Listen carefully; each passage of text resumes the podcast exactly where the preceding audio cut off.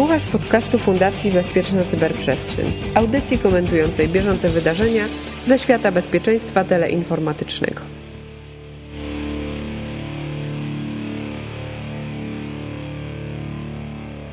Za oknem wiosenne słońce, przed mikrofonami Łukasz Jachowicz i Mirek Maj, a przed Tobą 76. odcinek podcastu CyberCyber. Cyber. Mirku, czasem dostaję takie pytania. Chciałbym się włamać, ale tak na działający system, nie taki, który sobie sam zainstalowałem i sam podziurawiłem. I okazuje się, że coraz więcej firm dopuszcza takich niezależnych researcherów bezpieczeństwa do tego, żeby ci researcherzy badali ich systemy, nie pytając w ogóle często o zgodę. Niektóre z tych firm nawet płacą tym niezależnym researcherom, ale nie z góry, tylko dopiero kiedy jakaś dziura zostanie wykryta. I do grona takich firm dołączyło ostatnio Allegro. Nawet dowiedzieliśmy się, że Allegro już dawno dołączyło do grona tych e, firm, bo e, program Bug Bounty, o którym mówisz, bo mówimy o tym zjawisku, chyba nie padło jeszcze do tej pory, E, to określenie. E, to jest program, który e, jak osoby z Allegro mówią, już od jakiegoś czasu funkcjonuje w firmie, tylko do tej pory był w wersji zamkniętej. Czyli tak, był na zaproszenie. Na zaproszenie. Przypuszczam, że jak znam tego typu przedsięwzięcia, to również sami pracownicy Allegro mogli w niej uczestniczyć, chociaż tego na, na 100% nie wiemy. E, natomiast rzeczywiście takie programy zdobywają na popularności. One są w ogóle w wielu wariantach rozgrywane, bo tu wymieniłeś niektóre, niektóre takie cechy tego, na przykład tego, że się e, jakby nie przedstawiają ci researcherzy, ale są też na przykład takie wersje, których musisz się zarejestrować w ogóle. No troszeczkę to, to, to zamknięta wersja Allegro pewnie na tym polegała, teraz będzie otwarta. No są też takie wersje, gdzie atakujesz system po prostu, który jest otwarty na użytkowników. W przypadku Allegro, Allegro postawiło własnego sandboxa, z którego korzystają też researcherzy i, i jacyś integratorzy do wewnętrznych testów. No tak, są różne poziomy po prostu tego przedsięwzięcia, przedsięwzięcia z punktu widzenia bezpieczeństwa tego przedsięwzięcia i one wymagają różnego rodzaju organizacyjnych i technicznych zabezpieczeń. Są tacy, e, którzy się w tym specjalizują. Tutaj nie będziemy pewnie większej reklamy robili. Tak wszyscy wiedzą, że HackerOne to jest taka firma, która na świecie jest gdzieś tam pograniczu, e, na pograniczu monopolu chyba wręcz bym zaryzykował takie stwierdzenie, jeżeli chodzi o organizację największych, najbardziej poważnych konkursów Backbanty. One nawet zaczęły wchodzić w, w, ten obszar, o który ja zawsze postuluję, jeżeli chodzi o Polskę, czyli w, w obszar rządowy. I w 2016 roku był pierwszy taki konkurs w Stanach Zjednoczonych, słynne dwa konkursy, Hack, Hack the Pentagon i Hack the Arm. Zdaje się, Hack the Pentagon był pierwszym takim e, konkursem i one zdobyły niezwykłą popularność, a przede wszystkim no się one mają wiele zalet, tak? Pewnie mają też jakieś, jakieś wady, chociaż o takich, o, o, takich fundamentalnych ja przynajmniej nie słyszałem, może ty słyszałeś, możemy też o tym porozmawiać, ale takie dwie, które mi zazwyczaj przychodzą e, na myśl, czy najczęściej zresztą są podawane, no to jedno, że to jest przedsięwzięcie, które z punktu widzenia ekonomiki tego przedsięwzięcia jest bardzo wydajne. Okazuje się, że można niezłej jakości audyt uzyskać za stosunkowo duże, nie, nieduże pieniądze, a drugie to, to e, tego typu projekty mają bardzo często taki charakter promocyjny, daną, e, daną promuje to daną organizację, w szczególności na przykład jak ona jest zainteresowana nie wiem, pozyskaniem współpracy, podjęciem współpracy z osobami, które no, są takimi researcherami. No i często podaje się to jako, jako przykład potencjalnego projektu do zrealizowania w momencie, kiedy ci zależy na zacieśnieniu twojej, twojej relacji z hakerami, tak, z pozytywnymi hakerami. Jeżeli chodzi o e, moje serce, to ono mi podpowiada, że to są wspaniałe programy, ponieważ e, one po pierwsze dają szansę wszystkim. Czyli rzeczywiście, jeżeli ja chcę zacząć się bawić w badanie cyberbezpieczeństwa, e, to jest to miejsce, gdzie można badać realne systemy. Z drugiej strony moja kieszeń mi mówi, że trochę mi to psuje rynek, bo jeżeli no tak, są firmy, tak. które zajmują się pentestami takimi od początku do końca zaplanowanymi i, i, i w pełni przeprowadzonymi, no to takie backbanty wiadomo jest dla e, firmy, która to zleca, tańsze. Pytanie, czy produkt ostateczny jest porównywalny, no bo jeżeli firma jest mało popularna albo da małe nagrody, bo tak się niestety czasem zdarza, to włamywacze wchodzą, biorą tylko to, co jest łatwe do zgarnięcia i sobie idą dalej szukać innych nagród. Mhm. To dokładnie, to jest bardzo dobre pytanie i właściwie no, e, rzeczywiście jakbyśmy mieli się zastanawiać nad, nad potencjalnymi wadami, to ja bym wskazał właśnie na tę wadę. I oto to jest taka wada, która w ogóle w takich przedsięwzięciach typu na ile Twoje sprawdzenie bezpieczeństwa może być y, ogarnięte technikami przełamywania tego bezpieczeństwa, jest przedsięwzięciem kompletnym.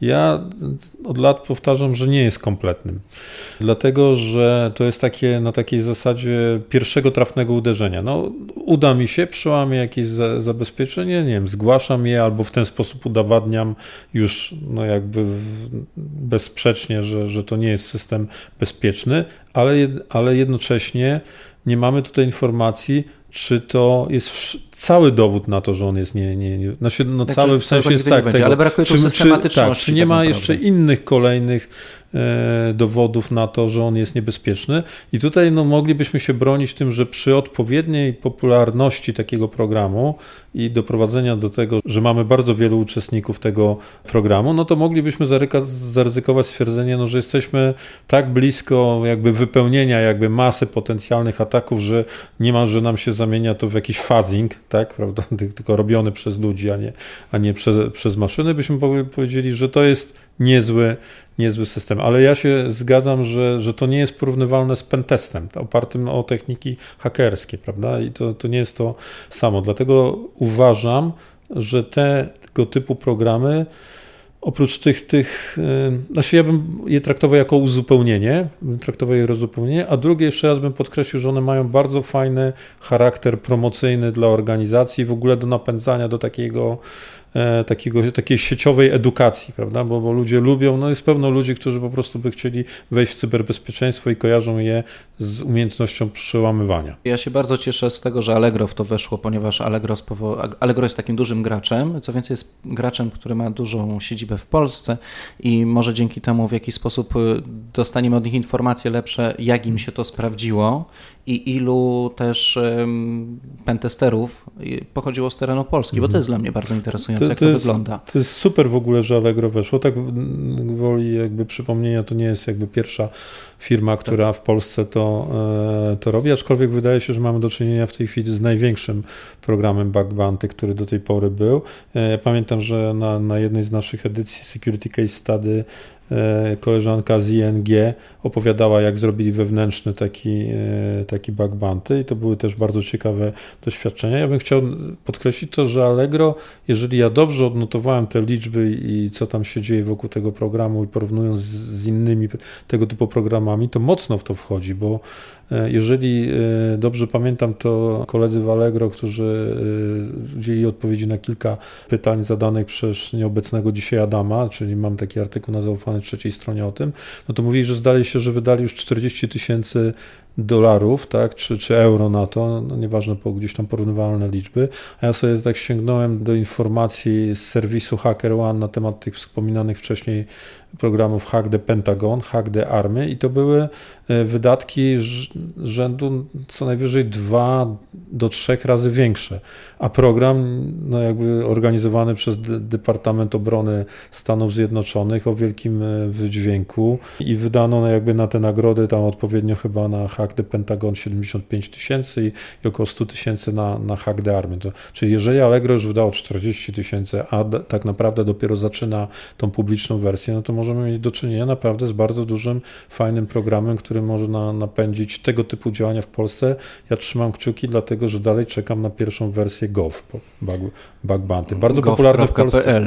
Tak, bardzo popularne w Polsce stały się i tutaj trzeba też jakby oddać to e, różnym e, podmiotom państwowym, że się w to angażują różne hakatony i brakuje bugbanty, tak? Nie, nie było, jeżeli dobrze kojarzę, nie było rządowego żadnego bugbanty, a myślę, że to na pewno jest trochę trudniejsze, ale warte zorganizowania. To jest warte zorganizowane, kiedy patrzę też na ogłoszenia, bo trafiają do, do, do, nas często zapytania również z sektora publicznego dotyczące przeprowadzenia pentestów, to mam niestety wrażenie, że w Polsce na cyberbezpieczeństwo wydaje się jednak troszkę za mało. Te budżety są niewielkie i za pomocą backbanty jest szansa, że więcej by się znalazło błędów niż e, za pomocą, tych, za pomocą tego samego budżetu.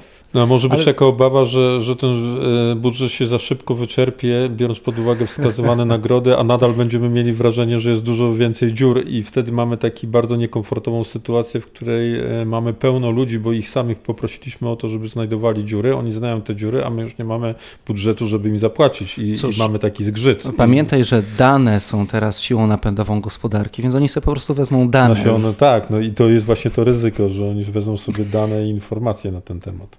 E, natomiast y, przy okazji, jak rozmawiamy o bugbanty, sprawdziłem też rynek bugbanty tego, tego lidera HackerOne, to w 2018 roku to jest około 23 milionów dolarów wydanych na, na tego typu nagrody. I tak sobie przypomniałem, że nie, nie wiem, czy kojarzysz, jak, jak Chińczycy organizują bugbanty, na przykład, żeby złamać iOS-a z jakimś RCE, to potrafią zapłacić za jedną, za jedną e, dziurę około bańki albo i więcej. No chociaż ostatnio Mamy iOS podejrzenia, staniał. do czego to służy, tak? Po co są tam te bugbanty organizowane, bo oni nie organizują bugbanty, zwracajmy uwagę na to, że dla siebie, tak? No bo nie są właścicielami iOS. No tak. Tak? I, to, I to są inne bugbanty. Pytanie właśnie to, to warto w tym strategicznym ujęciu bugbanty też zrozumieć, po co to jest organizowane. Co innego jest, jeżeli ja to organizuję wobec własnego systemu, no, a, a, a, pewien niepokój we mnie zawsze e, budzą takie backbanty, że, że ja bym chciał jakby wykorzystać tą, tą siłę po prostu e, sieciową e, różnych researcherów, hakerów do tego, żeby złamać jakiś tam system, wcale nie mój. Teraz pytanie, jaki jest cel tego backbantu? To mi troszkę przypomina nasze tutaj spotkanie dotyczące Capture the Flag, nie wiem czy pamiętasz, i koledzy z Dragon Sektora i z P4 wspominali, że to właśnie Chiny, Rosja, tego typu kraje dają najlepsze nagrody, nagrody na konkursach tak, Capture tak. the Flag, a dzięki temu dostają za darmo, czy tam za prawie darmo know-how, w jaki sposób te najlepsze drużyny CTF-owe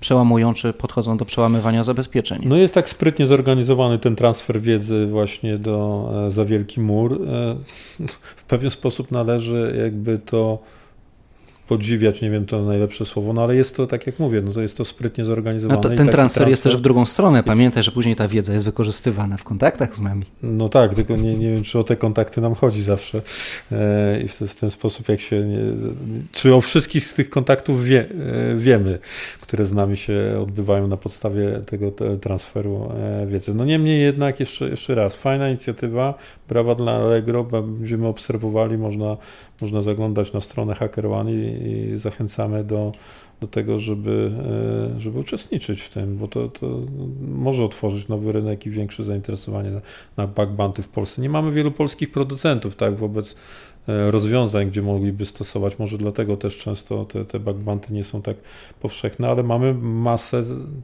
ważnych serwisów tak. tak, i usługodawców i oni powinni się też zainteresować taką e, opcją. Tak jak sobie mówiliśmy, chyba raczej nie jako opcja załatwiająca wszystko, tylko e, bardzo dojrzała, ważna, fajna opcja uzupełniająca.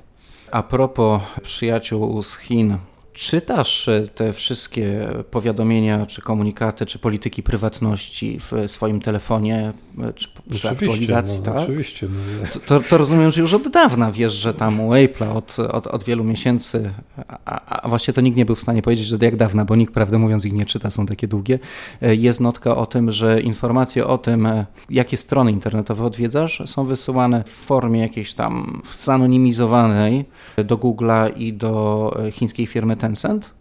No oczywiście, bo przeczytałem to wszystko. No a teraz na poważnie wi wiadomo, że, że nikt tego nie, nie wiem, nikt to, to też jest e, jakby ekstremalne stwierdzenie. Ktoś w końcu to przeczytał. Ktoś to w końcu prze, przeczytał e, z jakiegoś powodu. Nie, właściwie to nie znam dokładnie genezy tego, o czym teraz chcemy rozmawiać, jak to, jak to wyszło, ale tak jak mówisz, ktoś, ktoś to wreszcie przeczytał.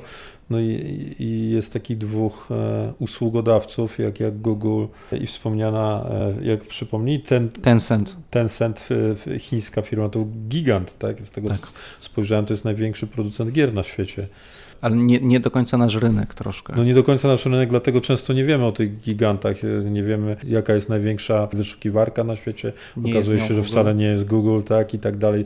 E, komunikator nie jest to, to WhatsApp, tylko WeChat, tak i tak dalej. To oni też zdaje się też są zaangażowani w jakąś, e, jakieś obsługiwanie tego.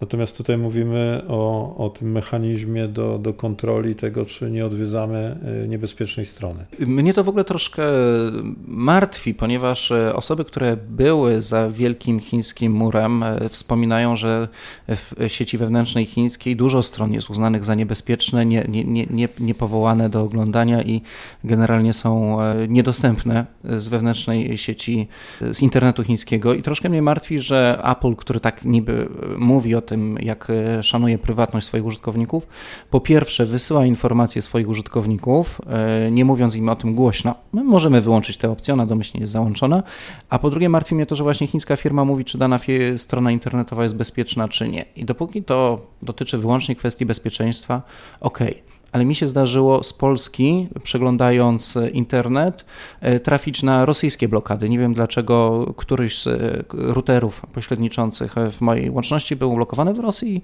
i zostałem po prostu odcięty od jakichś treści. Musiałem sobie VPN-a włączyć, żeby pójść jakąś inną trasą. I, i nie jestem przekonany, czy chińskim gigantom, które do tego są jakoś powiązane z, z partią tamtego kraju, to, to, to znaczy, chciałbym no Wszyscy giganci wszystko. w Chinach są pewnie powiązani z władzą w Chinach, bo pewnie trudno jest inaczej tam mieć e, jakby pozwolenie na prowadzenie biznesu na taką skalę. Natomiast tutaj jednak chyba trochę trzeba e, to przeanalizować dokładnie, bo teraz tak, jedna rzecz, no się zaciekawił mnie ten, ten, ten, ten wątek, o którym ty mówisz, swojego doświadczenia osobistego z tym, jak gdzieś tam rutowane są pewne e, zapytania. To jest ciekawe. Natomiast w stosunku do Tencenta to, to jest tak, że ja czytałem, że to właściwie to to jest ta firma, która przejęła rolę Google'a ze swoim safe browsing na, na terenie Chin właśnie, że to odnosi się do, do tych, którzy korzystają e, z tego z Safari, tak, tu chodzi o, o, o przeglądarkę Safari na terenie Chin. Wydaje mi się, że tak rzeczywiście może być, ale to gdzieś tam ktoś musiałby potwierdzić. Natomiast ja spotkałem się z kilkoma informacjami. Od razu przy, przyznaję, że ani, ani, ani sam, ani tutaj z nikim, bez, kto bezpośrednio by takie badania tego mechanizmu robił, nie, nie rozmawiałem, ale opra niektóre opracowania mówią o tym, że to nie jest dokładnie tak jak to się na początku przedstawiało, że, że te wszystkie zapytania trafiają do tej, do tej firmy i tam są kontrolowane i dopiero jest pozwolenie tak, nie na, na, dalsze, na dalsze przeglądanie, już bazujące na, e, na tym zabezpieczeniu technicznym, tak? bo to do tej pory nie było mowy, chociaż oczywiście każdy może sobie swoją listę wprowadzić tam i może wprowadzić cenzorską listę, a nie technicznych, technicznych zagrożeń, że tam gdzieś jest malware serwowany na jakiejś stronie. Natomiast też były opracowania mówiące o tym, że właściwie to jest opracowania. To Apple odniósł się do, do tych rewelacji w ten sposób, że to wszystko jest lokalnie sprawdzane w przeglądarce, że to jest, że ta lista jest dostarczona przez przez te wspomniane firmy i przeglądarka w tym momencie sama e, sama wie o tym, czy to przepuszcza, czy nie. No i później na, na, na na, ten, e, na to oświadczenie Apple'a, znowuż pojawiło się kolejne oświadczenie, że gdzieś, które wskazuje na to, jakby prawda leżała po środku, że, że są przekazywane pewne hasze tych, tych stron, natomiast kompletne już pozwolenie na koniec, ze względu na to, na uniknięcie potencjalnych kolizji, które w tym, w tym przypadku mają bardzo duże prawdopodobieństwo, kolizji związanych z, z funkcjami skrótu, że to ostateczne pozwolenie jednak odbywa się w, te, w, te, w tej firmie, tak, w tym Tessencie, czy, czy, czy w Google. I ja powiem szczerze, tak z ręką na sercu, że już trochę jakby to jest duże zamieszanie dla mnie. Nie, nie, nie spędziłem wystarczająco dużo czasu i dogłębnych analiz nie porobiłem, jak jest w rzeczywistości, ale coś tu chyba jest na rzeczy. Jako, jak rasowi, y, powiem, komentatorzy medialni, y, wypowiadamy się na ten temat, nie sprawdziwszy tego na własnych telefonach. No ja, ja, ja w ogóle to powiem Ci szczerze, że nie wiem, albo, ale jakoś, jakoś w ogóle nie kojarzę takich, takich blokad u siebie, na przykład na telefonie, tak, no, no bo to...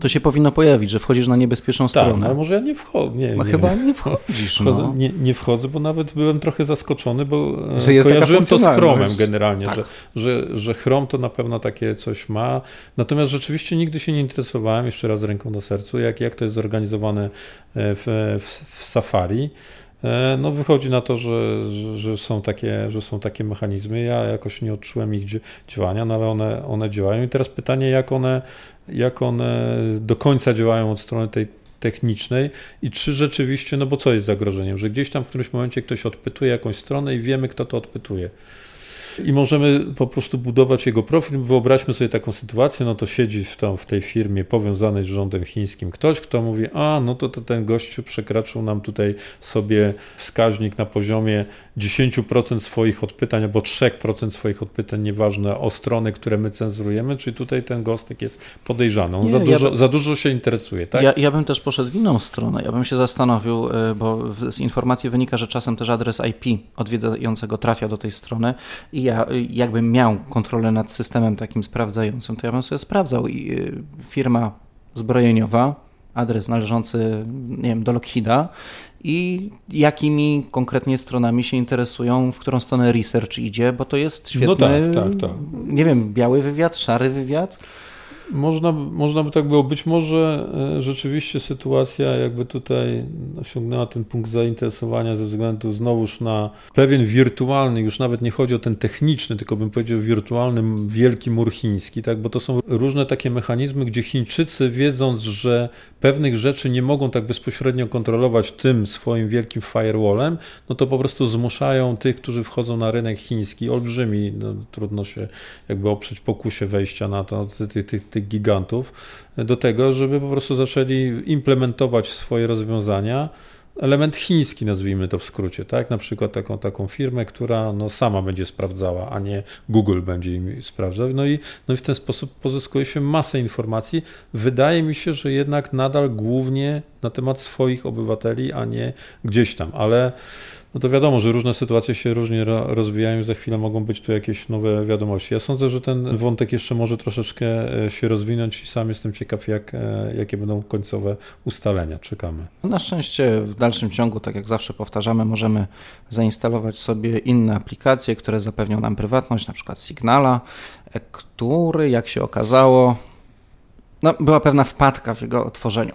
Otóż okazało się, że jeżeli mamy Signala, i ktoś do nas na tego sygnała zadzwoni przy pomocy zmodyfikowanego klienta, który nim my odbierzemy, wyślę na linię już hasło connect, to nasz telefon odbierze, włączy mikrofon, włączy głośnik, wyłączy dzwonek i osoba dzwoniąca z tak zmodyfikowanego klienta Signala będzie mogła słuchać, co się wokół nas dzieje. Troszkę mi to przypomina taki freaking z lat 80., y, kiedy takie rzeczy robiło się ze stacjonarnymi telefonami. Martwi mnie to, że tego typu błąd wyskoczył w oprogramowaniu, które teoretycznie ma zapewniać nam prywatność. Od razu oczywiście powiem, że błąd został już załatany, informacja upubliczniona dopiero po załataniu. Błąd był eksploitowalny wyłącznie na Androidzie, chociaż teoretycznie występował również na iOSie, to tam się nie udało go wykorzystać ale brak uspokojenia polega na tym, że po pierwsze taki błąd się zdarzył, a po drugie niekoniecznie tylko ci, co go ogłosili, o nim wiedzieli. Signal jak wszystko inne jest po prostu softem, no, tak, który okazuje się, że, że, też, ma, też ma swoje, e, swoje dziury. Co, co więcej, ze względu na to, że jest softem dotyczącym bezpieczeństwa, to pewnie jego zainteresowanie przełamywaniem jego bezpieczeństwa jest wzmożone, tak? To zawsze mieliśmy te dylematy w ocenie tego, czy, czy na przykład Windows jest bezpieczny, czy nie, no to można zawsze też należałoby e, po, przy, przy tym przypadku Windowsa, czy tutaj Signala zawsze brać pod uwagę to, jak, jak wywołuje, jaki jest zainteresowanie sprawdzaniem tego. Myślę, że przy Signalu jest dosyć, dosyć spore. Ja bym tu podkreślił to, no się dobrze, że powiedziałeś przede wszystkim, że, że jest załatane, także istnieją już wersje do, do update'u i należy, należy to zupdate'ować. Jest tu poprawnie, fajnie, że, że mieliśmy do czynienia z poprawnym procesem, jak to się mówi, odpowiedzialnego, odpowiedzialnego zarządzania słabością systemową, tak? Ktoś zgłosił, ktoś, ktoś poważnie się zajął załataniem i, i opublikowane to zostało już po wszystkim. Znaczy nie po wszystkim, bo pewnie jeszcze nie jedna wersja jest podatna na, na to. O masowym, na szczęście o masowym wykorzystaniu tego chyba nie słyszeliśmy. Nie, ja nie, nie, nie zauważyłem takich, e, takich doniesień. Natomiast może przy tej okazji warto powiedzieć, że takie oprogramowanie jak Signal, a właściwie to, to chyba w większości już każdy z takich komunikatorów, czy nastawionych na bezpieczeństwo, czy na popularność, to jest pewien taki większy ekosystem, tak? To nie jest dzisiaj tylko Signal sobie na, na przykład na telefonie, ale, ale wielu ma już go na desktopie, na takim systemie, na tamtym systemie i to wszystko nie jest sobie równe, tak? Signal w jednej, na, na, tak jak powiedziałeś, tu na Androidzie to było możliwe, no to na iOSie nie było możliwe, ale zaraz może się okazać, że, że desktop, który jest e, wersja desktopowa, która jest możliwa na, na macOSie, może mieć, no jest powszechnie uważana też ze względu na to, że możliwe inne wektory ataku, że, że to nie jest, że tak powiem, już nawet od strony zaprojektowania, tak, z architektury bezpieczeństwa ten na, na najbezpieczniejszy model i zaraz może być jakiś tam kłopot. Trzeba pamiętać o tym, że, że jak zaczynamy korzystać z, z tych rzeczy, to no one często jeszcze mają swoje takie warianty jeszcze podwyższonego bezpieczeństwa, tak szyfrowania konkretnych sesji, znikających sesji i tak dalej, i tak dalej. To, to jest związane gdzieś tam z tak platformami czatowymi, na przykład takimi jak Rocket, tak. To są różne rozwiązania, które, które działają dzisiaj w takich mniejszych lub większych ekosystemach i ich bezpieczeństwo co, należy rozpatrywać całościowe. To znaczy, jeżeli prowadzę komunikację na sygnalu, a ta sama komunikacja wyskakuje mi z automatu, na przykład na moim desktopie, no to e, to Każdy, jest problemik. Tak, to jest problemik, tak? No, no bo tutaj jestem przekonany o bezpieczeństwie, ale, ale pytanie, czy mam tą samą poziom zaufania do bezpieczeństwa, bo wyszedłem, klasyczny może przykład, mam połączenie z Signala, no to, no to wychodzę i gdzieś tam rozmawiam przez telefon, a, a zostaje na przykład nie, e, niezalokowany komputer, na którym...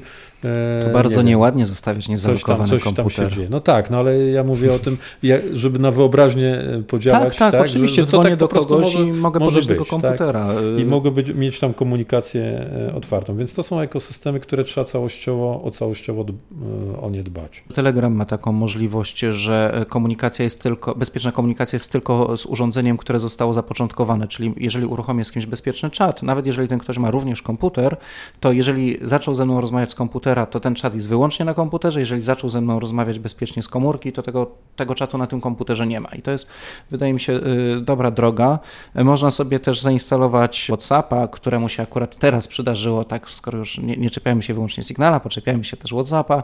No niestety w WhatsAppie się okazało tak, że GIFa można wysłać, tak, można wysłać GIFa komuś. Jeżeli ten GIF będzie w pamięci telefonu w tej galerii y, i ktoś y, za pomocą WhatsAppa sobie otworzy tę galerię po to, żeby komuś jakiegoś innego y, GIFa wysłać, to niestety wykona się kod jakiś tak, wskazany. Chodzi o jakieś wielkość ramek, tak, które, które mogą e, być jakby wywoływane przy, przez to zapytanie, że one są takie same, to tam coś może No i generalnie chodzi o to, że mamy piękne RC tak zwane, czyli Remote Code Execution za pomocą GIFa, więc e, Signal ma pecha, No tak, od czasu do czasu pecha. przypominamy o tym, że komunikatory, e, no to, to nie jest tak, że one nawet jak są wymyślone pod bezpieczeństwo, to na pewno są, są super bezpieczne. Na pewno są bezpieczniejsze niż połączenie po prostu głosowe.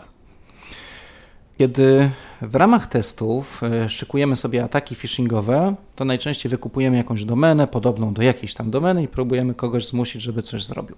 Kiedy przestępca prowadzi atak phishingowy, to jak śledzimy doniesienia, to najczęściej polega to na tym, że podszywa się pod szefa jakiejś firmy, który ten szef zleca swojej księgowej e, jakiś tam przelew e, od czapy na jakieś dziwne konto. Tymczasem researcherzy zauważyli nową, jakiś nowy wektor ataku.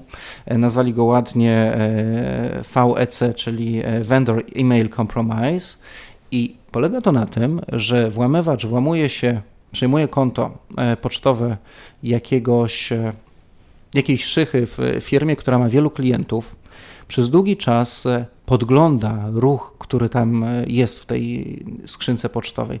Patrzy, w jaki sposób ten człowiek komunikuje się z podwykonawcami, z klientami, jakiego dnia wysyła faktury I pewnego dnia, dzień przed tym obiecanym dostarczeniem faktury, włamywacz sam wysyła fakturę, oczywiście z innym numerem konta. Bardzo ciekawy wektor ataku, który jednocześnie pozwala zaatakować wielu klientów, a nie tylko pojedynczą firmę, jak to się działo do tej pory. Mieliśmy chyba już kiedyś taki odcinek o tym, jak, jak rozmawialiśmy sobie o tym, jak bardzo zaawansowane, wymagające dużego wysiłku po stronie atakujących, atakujących potrafią być takie akcje przeprowadzane a, a, takich ataków i to jest chyba właśnie taki, taki przykład pokazujący kolejne, kolejne kroki. Ja w ogóle myślę, że to jest fajny przykład, żeby zrozumieć też o to, o, zrozumieć też to, że to, co często najczęściej mówimy o takich grupach apetek, e, że my je kojarzymy na przykład z, jakiś, taki state sponsored attack. A, a tu dla mnie jest no, idealny przykład Self-sponsored. Tak, biznes, biznes po prostu oriented, tak, e, a tak, czy, czy, czy cokolwiek, czyli umiejętności zarówno takiego technicznego, jak i organizacyjnego przeprowadzenia ataku, czy rekonesansu, wszystkich faz. Moglibyśmy sobie wymieniać tutaj wszystkie poszczególne fazy ataków, a, e, APT do uzyskania, tam jakieś już nie pamiętam, ale strasznie duże sumy padały, jak, jakie, jakie zostały e, wygenerowane w jakichś miliardach dolarów. Jakie, w jakieś miliardy 3, dolarów. 6, coś tak, takiego. Coś takiego.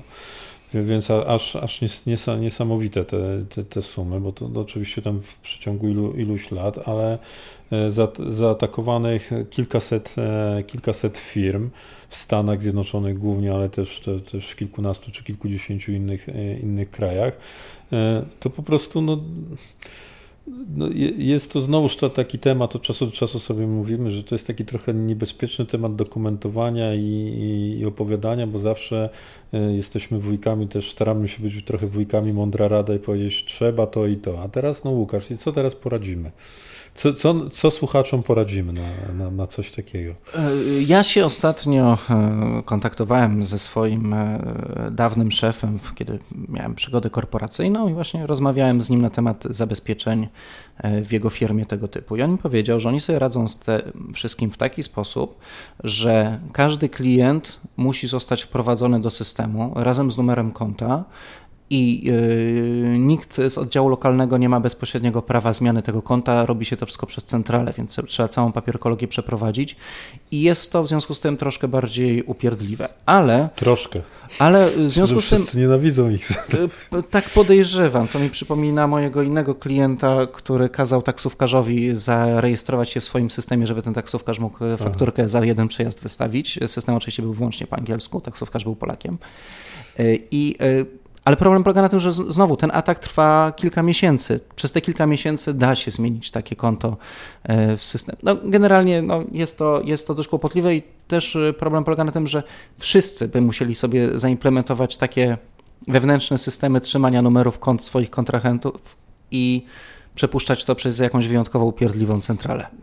Znaczy, tak, no to, to jest, to jest już pokazujemy, że jak bardzo to może być no jakby kosztowny też model, przeprowadzenie takiego procesu, jako procesu w organizacji, żeby go wprowadzić, no to, to może być kosztowne, a, a, moja obawa jeszcze jest taka, że no, przy tak daleko posuniętym rozpoznaniu to mogłoby być również wykryte i po prostu dodatkowy element w tym ataku byłby uwzględniony, jak taki rejestr, czy cokolwiek, jakiekolwiek rozwiązanie. I też i też po prostu wystawione na, na kompromitację. Znaczy jedyna Nie rzecz, wiem, która mi na szybko przychodzi e, do głowy, to jest e, miej zapisane numery kont i jeżeli e, wysyłasz pieniądze do danego kontrahenta na inny numer konta niż wcześniej, to weź telefon do ręki i zadzwoń, czy zapytaj, czy się nie no tak, zmieniło. tak, to często takie właściwie, no jak to się mówi, już odręczne, tak, czyli z, z, z mocnym udziałem komponentu białkowego, e, ostateczne akcje przy najbardziej e, ryzykownych sytuacjach no, no są fragmentem, fragmentem procedury, powinny być pewnie fragmentem procedury, bo od strony technologicznej no musimy po prostu się pogodzić z tym, że dzieje się tak i no, nic nie wskazuje na to, żeby było ten proces był, był inny, a raczej niestety wiele wskazuje na to, że to coraz częściej będzie się zdarzało, że będziemy mieli do czynienia z tak bardzo wyrafinowanymi atakami, które e, no, są ciężkie technologicznie, a nawet bym powiedział, nawet połączenie technologii i organizacji też e, no, musi być na naprawdę najwyższym poziomie, żeby sobie poradzić. Tutaj oczywiście wchodzi w rachubę ten, ten klasyczne, klasyczna odpowiedź. No, postarajmy się to tak zrobić, żebyśmy byli w tej grupie najmniejszego ryzyka, tak? Czyli znowuż po prostu nie jesteś w stanie osiągnąć stuprocentowego bezpieczeństwa, więc po prostu sprawdź tak, żebyś odstał od innych, nie swojej konkurencji i tak dalej. I wtedy ten, ten atakujący da sobie z, z tobą spokój, bo on też ekonomię swojego przedsięwzięcia zna, tak, i po prostu i, i chciałby też osiągnąć jakkolwiek tak, to nie zabrzmi, najlepszy, najlepszą zwrot na, swojej, tak. na swojej inwestycji. Jemu nie zależy na ataku na ciebie, jemu zależy na ataku na, na, na, na, komu, na kogokolwiek, kto tak. szybko mu zależy na wysokiej stropie które, zwrotu. Które, tak, które nie, właściwie nie mają właściciela oprócz banków narodowych zapisanego na, na swoim E, awersie czy rewersie. E, na zakończenie dzisiejszego odcinka mam taką ciekawostkę historyczną, bo są popularne narzędzia, które przeglądają logi e, aktualne, co się dzieje na GitHubie i podobnych serwisach i przeszukują te wszystkie komity pod kątem szukania czegoś, co wygląda jak na przykład klucz do jakiegoś systemu, hasło, co, coś w tym stylu. I 40 lat temu ludzie też ładowali do sieci pliki ze swoimi hasłami. Jak się okazało, w źródłach BSD3, czyli to jest dość antyczny system już, znalazł się plik etc passwd ze skrótami haseł m.in. Denisa Richiego, e, Stephena Borna, Kena Thompsona, Erika Schmidta, za chwilę powiem młodszym słuchaczom, kim oni są. I zbiorowym wysiłkiem udało się większość tych haseł złamać. Generalnie to są legendy. To są ludzie legendy, którzy y, jeszcze nawet niedawno y, chodzili, po, większość z nich chodziła po tym świecie y, i, i niektórzy z nich nawet szefowali Google'owi przez jakiś czas. I na przykład Dennis Ritchie, który był twórcą języka C, czyli naprawdę geek pełną gębą i, i, i pełen pokłon, miał hasło dymy acy twórca Shella Born. To był taki bardzo standardowy shell Unixowy w czasach, nim wymyślono Basha. Bash to tak naprawdę jest rozwinięcie Borna. No więc twórca Shella Born, który tak dla odmiany nazywał się Steven Born, zgadnij jakie miał hasło. Born. Skąd wiedziałeś? Nie, no... no. Chciałem, że, chciałem żebyś, dalej, żebyś szybko powiedział jakie. No dobrze, bardzo dobrze. Eric Schmidt, późniejszy szef Google'a, Wendy, Nie wykrzyknik, wykrzyknik. E, za to zaimponował mi Ken Thompson, jeden z twórców Unixa. Otóż on ma hasło, które jest łatwe do zapamiętania, trudne a, do zgadnięcia. Szach, to jest ruchem, hasło tak? szachowe. Bardzo P fajne, tak, ukośnik tak, Q2 myślnik Q4 wykrzyknik, co po naszemu znaczy piąc Q2 na Q4 dobry ruch. Co ciekawe, do dziś niezłamane jest hasło e, Billa Joya, który jest e, współtwórcą Sana i myślę, że uczymy się od techników, a nie od biznesmenów, jak mhm. nasze hasła powinny wyglądać. Nie no, patrzę właśnie na te hasła, bo sobie otworzyłem Tam jest taka ramka dłuższa z hasłami. No rzeczywiście, to tak bym powiedział, że takie standardy dobrego hasła to może może z jedna czwarta w najlepszym wypadku. To, to Pamiętajmy, jest... że to były 40 lat temu i to były czasy, kiedy y, na przykład Richard Stallman jeszcze pytał, po co w ogóle są hasła, informacja tak, dla tak, każdego tak, tak. i tak dalej. Także... To jest ciekawe, a, no, bo to jest ciekawe też, bo troszeczkę nam ty broń, bo ty jesteś e, znanym Unix, Unixowcem i promotorem Linuxa w szczególności, no ale to ja bym kontrowersyjnie zaryzykował taką tezę, że że te systemy też z większym patrzeniem na bezpieczeństwo nie były organizowane, jeśli jego, ich twórcy. Na twórców Linuxa tam nie ma, bo 40 lat temu twórca Linuxa to. Wła... Czekaj. No nie, ale to... mówię o Unixowych, które zawsze były uważane, że ale Unix to tam ten, no kiedyś mówiono, że najpierw, że na Unixa nie ma wirusów, później, że na Linuxa nie ma wirusów, później i tak dalej. No, no FreeBSD, no to, ale to mówisz, że a, antyczny, a, a, a przepraszam bardzo, a macOS to jaki to jest system? No nie, no to jest macOS, to już nie jest FreeBSD, to już dawno no, odeszło. Tam ma nakładką, ale na FreeBSD, No, no nie, Darwina, no już nie jest tak? nakładką. To rzeczywiście kiedyś można było tak powiedzieć, już tak nie jest, ale muszę pochwalić pewnego członka swojej rodziny. Ostatnio dostałem informację, że Mac, którego sprezentowałem tam z 8 lat temu, zaczyna wolno chodzić. Po o. 8 latach udało im się złapać wirusa. No widzisz, no widzisz. I na tym kończymy 76 odcinek podcastu CyberCyber. Cyber. Szukaj na swojej aplikacji podcastowej, na stronie Fundacji Bezpieczna Cyberprzestrzeń i w mediach społecznościowych. Tak przy okazji przypominamy, że w mediach społecznościowych nie tylko czytamy, ale również piszemy i tam można wyszerować te informacje o tym, że tenże odcinek podcastu jest i warto go słuchać. Żegnają Was Łukasz Jachowicz i Mirek Maj. Do usłyszenia za dwa tygodnie. Do usłyszenia.